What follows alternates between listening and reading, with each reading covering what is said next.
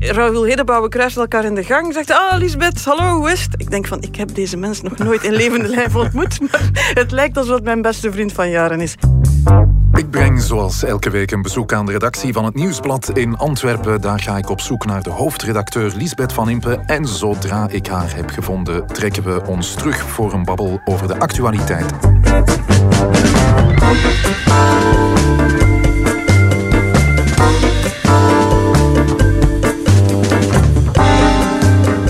Dag Lisbeth. Dag Jeroen. Ik ben Jeroen Roppe. Dit is het punt van Van Impe.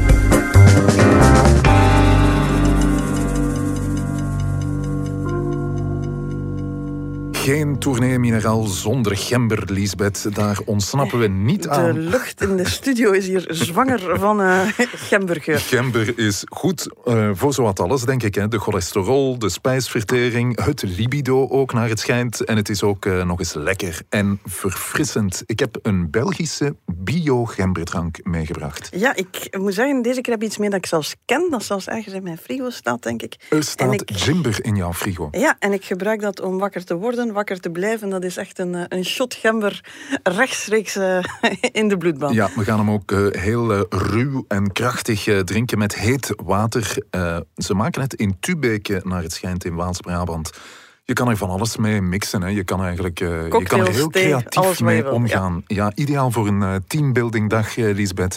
voor de collega's ja. van het Nieuwsblad eventueel. Doen jullie dat eigenlijk, zo'n teambuilding? Ja, maar um, om het nu heel clichématig te zeggen, dat is meestal wel met alcohol. is, maar dus uh, de, deze maand geen teambuildings. Goed, waar hebben we het over uh, vandaag, Lisbeth? Ja, ik denk dat we het eens gaan moeten hebben over Paul Magnet. Hè. Dus uh, voor één keer niet... Um, meneer Boucher met meneer Magnet. De andere man die wel eens een skutraket richting de wedstrijd 16 afvuurt. En deze was er niet neffen. We gaan de e-commerce uit uh, België bannen. Zo zijn we wakker geworden. Het liep een beetje anders. Ja, daar uh, hebben we het over. Uh, en we moeten het denk ik ook hebben over het grensoverschrijdend gedrag aan de universiteit. Hè, want ik, het was de ene na de andere. Ja, ik kan sommige luisteraars misschien al horen zuchten van oh ja, de volgende sector, de volgende reeks schandalen. Maar daar gaan we toch eens naar kijken hoe, daar, hoe daarmee omgegaan is. Uh, en we eindigen met uh, ja, een man die volgens sommigen zeer gevaarlijk is.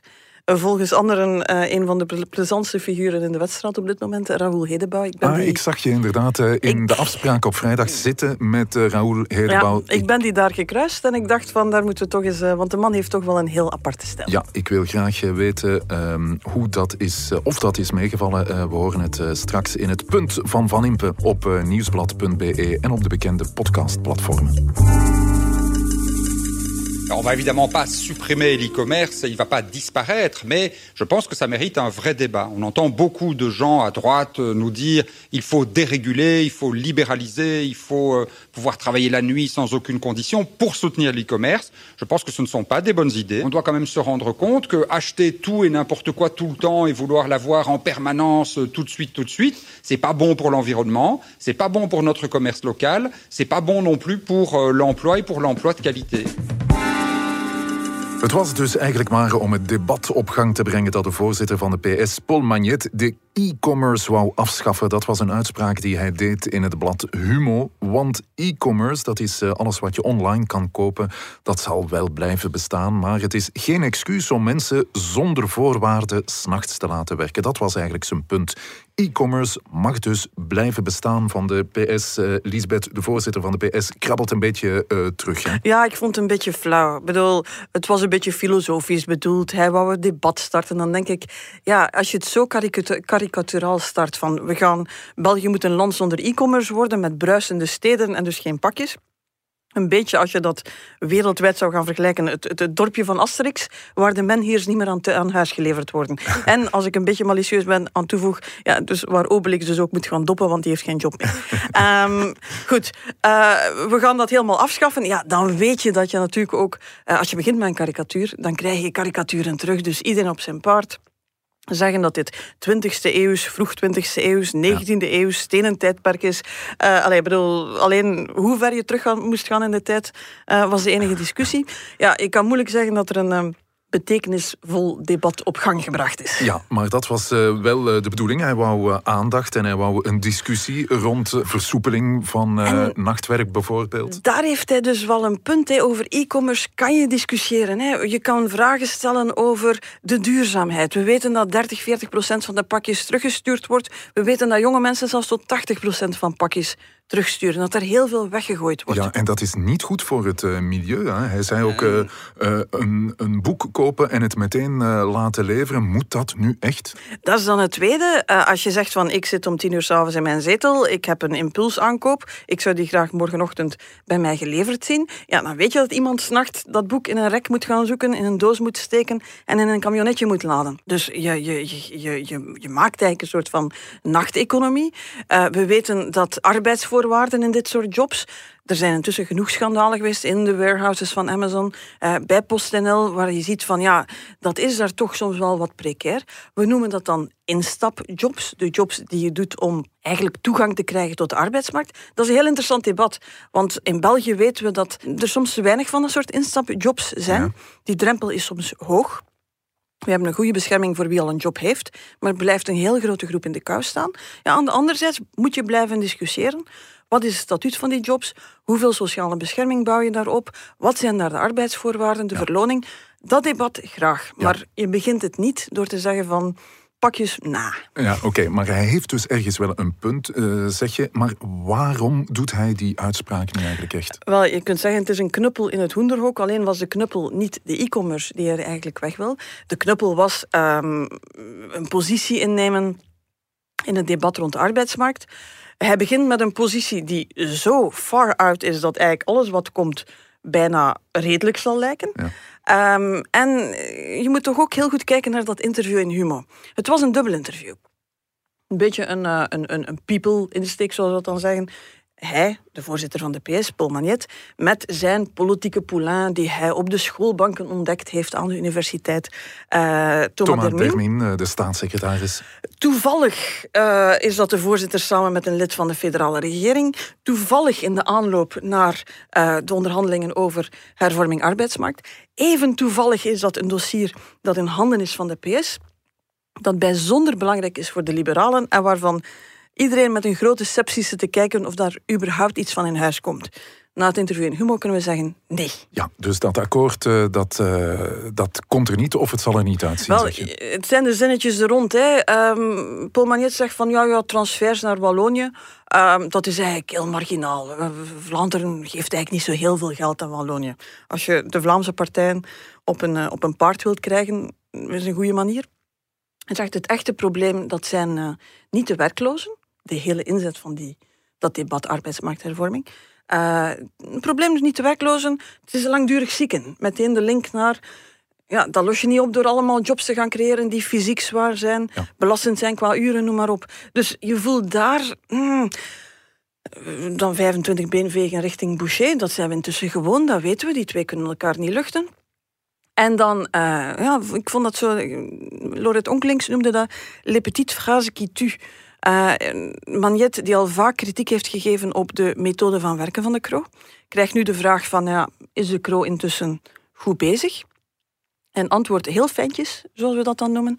Uh, het is niet aan mij om daarover te oordelen. Ja, kijk, met zo'n vrienden heb je geen vijanden nodig. Ja, dat is een uh, zeer dodelijk zinnetje van Paul Magnet, de uh, eh, PS-voorzitter die uh, eigenlijk premier kon worden van deze regering. Hè. Hij wou dat eigenlijk zelf niet, want hij dacht een PS'er aan het hoofd van de regering, dat zal nooit goed vallen in Vlaanderen. En wat dat hij daarover zegt, wordt het ook steeds ambiguur. Hè. Het is zo van, ik had het kunnen worden, maar ja, dat was niet slim geweest om die coalitie in Vlaanderen verkocht te krijgen. Ik ben daar in de laatste rechte lijn voorbijgestoken tot Alexander de Croo, door Alexander de Croo. Je begint daar het gevoel te krijgen ja, die heeft dat nog niet helemaal verteerd. Die, die zit toch nog in zijn achterhoofd van misschien had ik het toch moeten doen. Uh, zet daar dan Boucher naast die zegt van ik wil het de volgende keer doen.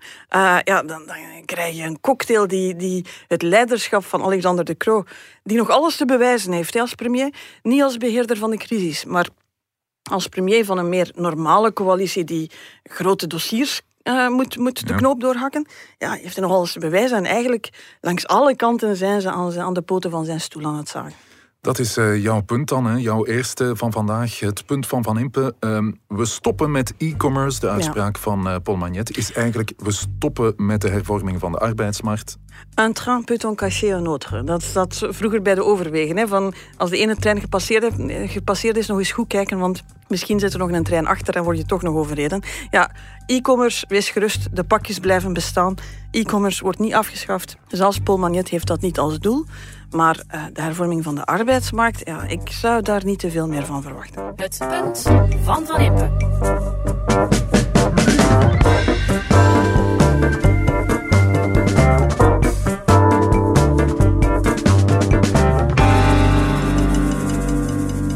Dit sleept veel te lang aan. De, de redelijke termijnen zijn, zijn ver um, overschreden. Dat is heel duidelijk. Ik ga daar ook geen, geen doekjes om winden en erken dat verontschuldig mij daar ook voor namens de hele universitaire uh, gemeenschap zeg maar, ten aanzien van, uh, van de meldster. Ik kan me voorstellen dat dit voor haar uh, zeer zwaar is.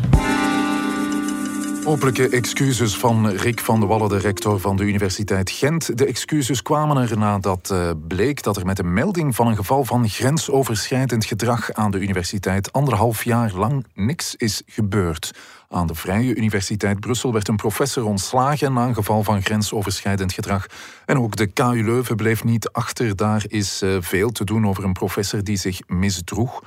Wat is dat toch met die universiteiten, Lisbeth? Je kan zeggen, ze zijn de volgende in de rij. En ja, echt verrassend kan het niet zijn. Je zit met heel veel jonge mensen. Uh, hiërarchie, leeftijdsverschil. Uh, heel veel contact met elkaar. Heel veel kansen om het fout te laten lopen. Dus uh, na vijf jaar mee toe moeten we zeggen, het is de beurt aan de universiteit. Ja, en het gebeurt altijd in machtsrelaties. Het is eigenlijk een machtsmisbruik. Je ziet het aan de universiteiten, net als in de media. Ja, en hier gaat het over uh, professoren die foute opmerkingen maken aan studenten die ze moeten beoordelen. Uh, assistenten die het gevoel hebben dat hun onderzoeksmiddelen afhangen van hoe vriendelijk ze zijn tegen de, de, de superviserende professor. Ja, de, de, de heel klassieke dingen die we intussen kennen. Hè. We kennen de verhalen, we kennen de mechaniek. Ja, laten we eens beginnen met het verhaal aan de Universiteit Gent. Uh, wat is daar precies gebeurd? Wel, ik moet zeggen, Gent is degene waar ik met meest verwondering zat naar te kijken. Omdat je denkt van, uh, we zijn nu al vijf jaar bezig. Universiteiten nemen over alles en nog wat maatschappelijke posities in. Je zou denken dat daar ook al nagedacht is aan hoe gaan we daarmee om, hoe, hoe zitten onze procedures, hoe, uh, hoe, hoe pakken we dit aan. Ja, en dan zie je dat daar een klacht toekomt, blijft liggen. Er worden een aantal heel foute mails gestuurd naar het slachtoffer. Die heeft geen enkel idee wat dat er gebeurt, totdat eigenlijk uiteindelijk de bom, de bom barst. En dan krijg je het soort excuses waarvan je denkt van ja, drie, vier, vijf jaar geleden, Sava, dat je kuit gepakt bent.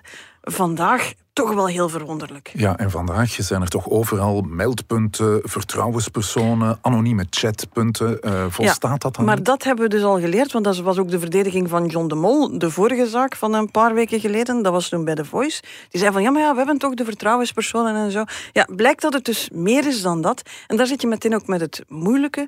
Je hebt iedere keer individuele gevallen met alle details en alle discussie die je er kan over hebben.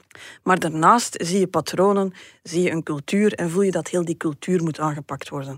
En dat los je niet op met een meldpunt. Dat is ook wat de omstaanders doen als ze iets zien. Dat is de drempels die je over moet. Dat is hoe snel je geloofd wordt en hoe je dan aangepakt wordt. De snelheid die dan ontwikkeld wordt. Dus je moet daar twee dingen met elkaar verzoenen. Het concrete dossier en de hele cultuuromslag. Hoe los je het wel op aan de Vrije Universiteit uh, Brussel? Daar uh, hebben ze een professor ontslagen. Um, maar uh, ook daar... Uh, ook daar weer ingewikkeld er verhaal. Erg, uh, lang over, ja, want er waren al klachten van tien jaar geleden. Dus die man is blijkbaar jaren zijn gang kunnen gaan. Oké, okay, dan zeg je van... MeToo heeft de, de gevoeligheid, het bewustzijn vergroot. Er wordt dan toch ingegrepen als het echt niet meer anders kan. Maar ook daar interessante case, want daar gaan ze naar ontslag. Zou je denken van, ja, dat is toch behoorlijk drastisch. Ja. Uh, man is zijn, is zijn job kwijt. Uh, maar ook daar zijn de slachtoffers eigenlijk niet tevreden. En ze zijn vooral kwaad op de universiteit. Bijna nog meer dan op het slachtoffer omdat er een soort van, uh, ja, zoals in, in, in, in relaties tussen werkgevers en werknemers wel vaker gebruikelijk is, er is een dading gesloten. Iedereen moet hier eigenlijk over zwijgen, ja, inclusief de universiteit had gezegd, hij ligt buiten aan de slachtoffers, uh, maar jullie mogen over de zaak eigenlijk niks meer zeggen. Ja, nu, ik moet zeggen... Uh, het is een beetje een gek systeem. Je ziet ook, de man zelf wordt gecontacteerd door een krant, neemt de telefoon op, zegt van ja, ik mag hier niks over zeggen, maar slaagt er dan toch uh, in om te zeggen van ja, het was allemaal een misverstand, er moest bespaard worden en ja, het was een soort van afrekening op de faculteit onder professoren voor gevorderden. Ja, er zijn betere manieren om te zwijgen dan, dan op die manier. Dus je voelt, daar, daar hangt dan weer een geur rond van geheimhouding en in bescherming nemen. En tegelijk zit je je wel af te vragen als je erop zit te kijken. Ja, wat moet je dan wel doen? Moet je die dan uh, aan de schandpaal nagelen? Uh, je hoort sommigen zeggen van ja, die kan nu ergens anders gaan werken. Gaan we die een soort van levenslang beroepsverbod gaan doen? En dan snap ik ook ergens wel de rector van de VUB die zegt van ja, wij zijn ook geen rechtbank. Een universiteit is uh, geen rechtbank. Dat waren inderdaad uh, woorden van de rector van de Vrije Universiteit Brussel. Is uh, dat ook jouw punt een beetje, Lisbeth? Maak er geen volkstribunaal van? Wel, wat je voelt is... Het, het is ehm, ik maak me relatief weinig zorgen over de cultuuromslag die is bezig. Met vallen en opstaan, we zijn erover aan het discussiëren, we zijn erover aan het nadenken. Vandaag kan minder dan tien jaar geleden. Dingen zijn bespreekbaar aan het worden. De grens is duidelijker. Ik denk dat ook mensen die iets zien gebeuren vandaag veel makkelijker aan de alarmbel trekken en zeggen: dit is niet kosher. Maar in hoe je nu die hele geschiedenis, die hele erfenis van dingen die fout gelopen zijn, van cases die zijn blijven liggen, van slachtoffers die zich niet gehoord voelen. Hoe je dat gaat oplossen, dat is op dit moment een hele grote vraag. We hebben gezien bij Bart de Pauw Trek naar de rechtbank, ja, dat duurt lang. Dat ligt allemaal op straat. Uh, op het einde is ook eigenlijk niemand echt tevreden met zo'n vonnis. Want je, moet dan, je zit dan weer met bewijslasten, noem maar op. Blijkt ook dat de procedures binnen uh, bedrijven en instellingen ja, ook niet op punt staan, vaak te lang duren. Slachtoffers voelen zich te weinig gehoord, hebben het moeilijk met een straf die dan ja, ergens het midden, midden houdt. Soms denk ik van ja, ik denk dat we hier nog iets nieuws moeten uitvinden. Je gaat hier naar een stuk bemiddeling moeten gaan. Ik denk dat die slachtoffers ook vaak willen horen van zowel de instelling als van een dader van we zien het nu wel, we excuseren ons. Uh, we, we, begrijpen dat dit fout gelopen is. Een stuk erkenning, gehoord voelen. Je voelt dat heel vaak daar nog een, een kruk zit. Maar dat we er nog niet zijn om die hele erfenis op te kuisen, dat wordt per instelling per sector, per geval alleen maar duidelijker. Ja, het tweede punt eh, van Van Impe. Er is meer bemiddeling nodig. Er is meer erkenning voor de slachtoffers eh, nodig. Dat zeker. En we zijn er nog niet. Nee, en je kan niet zomaar zeggen van we gaan nu iedereen die ooit een misstap gedaan heeft brandmerken voor de rest van het leven. Buiten een rechtbank, in een soort van volkstribunaal. Dat gaat ook niet. Het punt van Van Impe.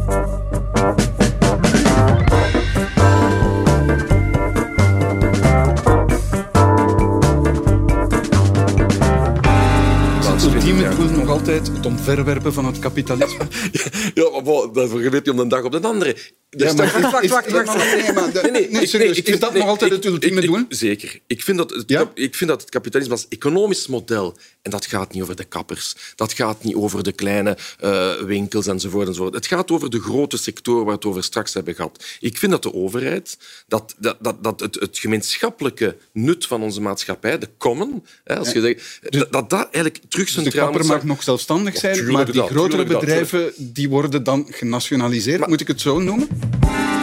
Het is een bloedrode aflevering van het punt van Van Impe, Lisbeth. We begonnen met Paul Magnet en we eindigen met Raoul Hedebouw, de voorzitter van PVDA. Is dat, je hoorde hem in het programma De Afspraak op vrijdag op uh, Canvas. We zijn begonnen met het afschaffen van het uh, de e-commerce, Lisbeth. En nu uh, schaffen we het kapitalisme af. de cirkel is rond. Hè. Er valt zelfs een stuk uh, lijn tussen te trekken. Want als je dan heel goed luistert, hij gaat het kapitalisme afschaffen. Maar niet voor de kappers en de slagers en de winkels. Het is alleen weer voor de grote bedrijven. En daar zie je de link met Paul Magnet. Ja, we weten, Paul Magnet wordt opgejaagd door die PTB met de, de hete adem van Hedebouw in zijn nek. En kijk, ze beginnen zelfs een beetje als elkaar te klinken. en ze menen het alle twee niet echt. Ja, jij zat er ook bij in die aflevering van de afspraak op uh, vrijdag. Wat voor een indruk gaf Hedebouw jou? Wel, ik moet zeggen, voor een aflevering waar plots het hele kapitalisme wordt afgeschaft, was het eigenlijk best gezellig. Uh, Hedebouw is een... Uh, het is, een fenomeen. Iedereen, vriend en vijand, weet dat hij een talent is. Um, en ik, ik moet zeggen dat ik toch wel uh, verrast was door zijn, door zijn tactiek. Het begint al op voorhand. Hè. Ik bedoel, als je naar de afspraak gaat, dan heb je zo wat In momenten. De schminkkamer. De schminkkamer, de gang, de lounge waar je nog een laatste uh, glas water drinkt. Daar worden al de eerste uh, vijandelijkheden uitgewisseld, de eerste grapjes gemaakt. Um, Raoul Hedebouw, kruisen elkaar in de gang. Zegt, ah, Lisbeth, hallo, hoe is het? Ik denk van, ik heb deze mens nog nooit in levende lijf ontmoet. Maar het lijkt alsof het mijn beste vriend van jaren is. Hij is duidelijk heel goed voorbereid. Uh, hij, heeft, hij weet wat je geschreven en gezegd hebt. Hij, hij, hij, hij zit daar uh, heel goed voorbereid. Maar hij verpakt dat allemaal met een jovialiteit. En dat is een beetje zijn handelsmerk geworden. Um, en dat is heel atypisch. Uh, ik zag beelden terugpasseren op Twitter en waar zie je? Iemand is iets aan het zeggen en Raoul Hedebouw is aan het lachen, is aan het knikken. Ja. Het ziet er allemaal... Het is ongeveer het omgekeerde van wat de meeste anderen doen. Ja, dat viel me op uh, telkens als jij aan het woord was, dat hij uh, volmondig zat te knikken, heel luid zat te lachen ook. Doet hij dat om acceptabel over te komen? Het is een tactiek. Iedereen weet als je op televisie bent, is het wat je zegt, ja, maar het is ook hoe je eruit ziet. En daar neem een Theo Frank. Uh, die daar vaak zit op, op asiel, op defensie, heel stoere thema's waar hij veel van weet. Wat doet hij? Die zet zich daar heel massief, die vult dat hele beeld. Als je ermee aan het debatteren bent, ja, dat is bijna een blok waar je niet voorbij geraakt. Andere goede debater, Bart de Wever, die heeft ongeveer van het met de ogen rollen en duidelijk maken dat de ander onzin aan het verkopen is, die heeft daar ongeveer een, een debatkunst van gemaakt. Als de camera even van richting verandert, dan zie je de Wever zitten met ongeveer zijn pupillen in zijn oogkassen. um, Hedebouw doet iets anders. Hij zit daar uh, joviaal, hij, hij, hij engageert en eigenlijk alles wat hij uitstraalt is, ik mag dan wel een oude communist zijn. Hij zegt tegenwoordig zelf socialist, maar goed. Uh, ik mag dan wel het, de verpersoonlijking van het rode gevaar zijn. Maar ik ben eigenlijk gewoon een hele uh, fidele kerel, waarmee dat je wel eens graag een pint zou gaan drinken. En hij wordt nu uh, losgelaten op Vlaanderen. Hè. Uh, PVDA, PTB is een unitaire partij, dus een partij voor heel België. En als voorzitter wordt Hedebouw nu gepresenteerd ook aan Vlaanderen. Daar wil hij de partij laten scoren, net zoals in Brussel en Wallonië. Op, Zal dat ook lukken, denk Hij is er al een tijdje aan het bouwen hij heeft in de slimste mens gezeten, wat voor een, een, een, een Franstalig Waals politicus toch geen sinecure is om daar te gaan zitten. Ook daar was hij, uh, allee, hij paste helemaal in het programma van Grappen en Grollen. Um, hij gaat naar de, de Vlaamse studio's, die zijn trouwens nog nooit zo populair geweest bij Franstalige politici dan nu. Ik bedoel, vroeger moest je ze daar met een, een kar en een, en een paard naartoe trekken. Vandaag bieden ze zich op een dienblaadje aan, maar weinigen kunnen het volledig in een natuurlijk Nederlands, zoals Hedebouw dat doet. Um, en ja, de, de, de blik wordt gericht op, op, op Vlaanderen. Hè. In Wallonië staan ze al sterk. Je voelt daar, ze zitten die, die pees op de hielen, ze, ze, ze ademen daar in de nek. De pees wordt daar ook bijzonder zenuwachtig van. In Vlaanderen is het succes tot nu toe beperkter geweest. Al hebben ze intussen ook verkozen in het Vlaams parlement, die daar ook in de kijker lopen. José ja. Daas heeft er als jong parlementslid al geen slechte indruk gemaakt. Maar ze hebben hier natuurlijk nog een hele weg te gaan. Uh, ze zijn bezig van, ze willen uh, afdelingen oprichten. Er zijn bijzonder weinig gemeenten in Vlaanderen waar PvdA als partij uh, aanwezig is. Ze willen meedoen voor die, voor, voor die plek in het Vlaamse landschap. En je voelt wel we zeggen allemaal, de kiezer is kwaad aan het worden. De kiezer is aan het radicaliseren. In iedere peiling blijkt dat een, een stuk van die kiezers naar uh, Vlaams Belang loopt. Je ziet ook dat PvdA ook daar een rol zou kunnen spelen. Dat die zo... Dus je ziet hem vooral uh, stemmen halen bij uh, mensen die de afgelopen jaren voor het Vlaams Belang gekozen hebben. Dat is een heel reële optie. We weten dat uh, Vlaams Belang heel zwaar gerecruiteerd heeft, heel veel kiezers overtuigd heeft die uit de klassieke linkse bastions komen. PvdA zou met zijn boodschap van uh, populistisch links, uh, nogal rechtdoor, um, uh, ja, wij spreken voor de werkman zou een deel van dat electoraat terug kunnen gaan, uh, gaan, gaan verleiden. Heel opmerkelijk, hè? De, de, de kritiek op de energiefactuur. Ik denk dat ook in de uitzending van de afspraak naast elkaar gezet werd. Hè? Het was bijna woord voor woord hetzelfde. De ene had het over caviar en champagne, de andere over oesters en champagne. Maar dat was het wel. Je voelt dat ze daar op dezelfde boodschap zitten, op dezelfde kiezer mikken. En ja, dat, Dat, dat wordt nog interessant. Jouw punt, uh, Lisbeth Raoul Hedebouw, wordt uh, losgelaten op het uh, rechtsliberale Beieren aan de Noordzee, zeg maar. En daar zou hij wel eens stemmen kunnen halen bij het, het Vlaams Belangkiezerskorps. Hè? Het ongenoegen zal gekanaliseerd moeten worden. En Vlaams Belang zit daar in pole position. Maar PvdA zou daar een interessante tweede hond kunnen worden. Het punt van Van Impe.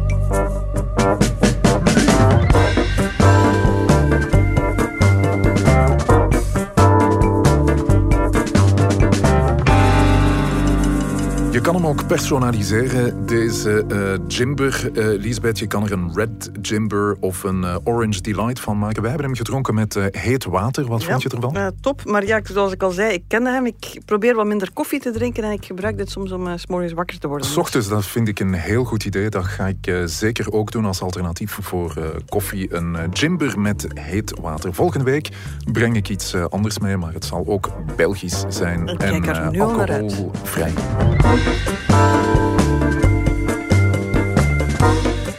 Dit was het Punt van Van Impe, een eh, podcast van het Nieuwsblad. Je hoorde de stemmen van de hoofdredacteur Lisbeth Van Impe en van mezelf, Jeroen Roppe. Dank aan de VRT voor de audio, aan Pieter Schrevers voor de muziek en aan Pieter Santens van House of Media voor de montage. De productie was in handen van Bert Heijvaart. Tot het volgende Punt van Van Impe.